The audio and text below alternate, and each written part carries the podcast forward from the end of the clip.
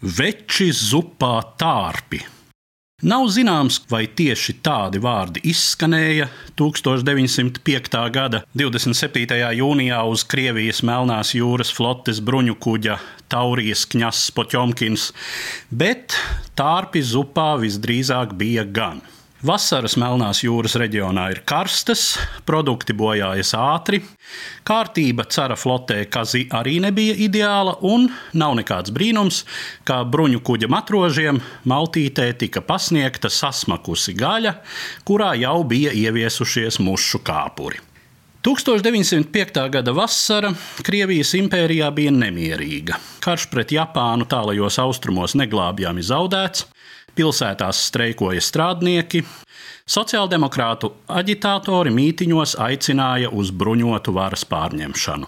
Sava šūniņa sociāldemokrātiem bija arī uz bruņu kuģa Taurijas kņazs Poķomkins.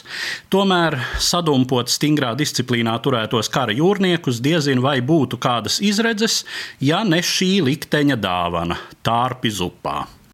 Cik var spriest no liecībām, tad oficieri muļķīgā stūrgalvībā mēģinājuši piespiest jūrniekus draņķīgo zupu tomēr ēst, izcēlusies sadursme, un tās laikā kapteiņa palīgs Hipolīts Giljarovskis nāvīgi sašāvis matrozi Grigoriju Vakuļenčuku.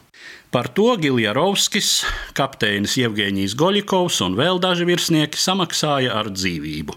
Viņus vai nu nošāva, vai arī vēl dzīvus izmeta pār bortu noslīkšanai. Pārējos virsniekus iesprostoja, uz bruņu kuģa ievēlēja padomi ar Afanāsiju Matušenko priekšgalā, un kuģis pacēlis sarkano karogu devās uz Odesas ostu. Sacēlušies savā kontrolē pārņēma arī pavadošo torpēdu laivu Veha, kas turpmāk visur sekoja bruņu kuģim. Odesieši sarkankarogoto bruņu kuģi sagaidīja visai entuziastiski. Tomēr jūrnieki nesaņēmās izsēdināt desantu un mēģināt sagrābt varu pilsētā. Varas iestādes tikmēr steidzīgi savilka Odesā valdībai uzticamu karaspēku. Matroža Vikoļenčuka bēres 29. jūnijā izvērtās par politisku demonstrāciju, notika sadursmes ar karaspēku, bija upuri.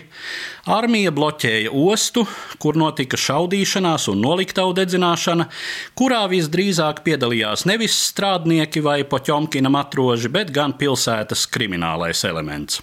Galu galā Poķomkins divreiz izšāva uz kvartālu, kur atradās garnizona komandantūra, bet izpaudās ziņas par Melnās jūras flotes eskadras tuvošanos, un bruņu kuģis devās atklātā jūrā.